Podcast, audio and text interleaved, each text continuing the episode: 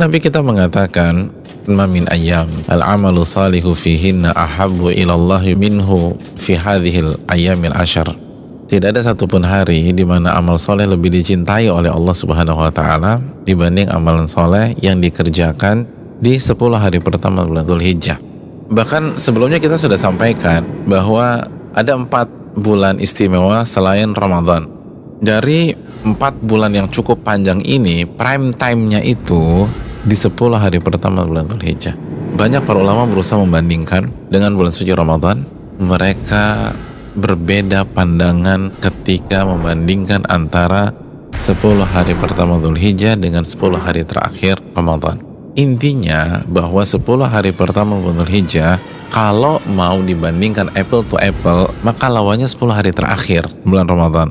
Makanya kalau bisa nih semangat kita ibadah di 10 hari pertama di bulan Dhul Hijjah itu seperti kita ibadah di 10 hari terakhir Ramadan. Tapi sekali lagi secara kesatuan ini 10 versus 10 ini luar biasa.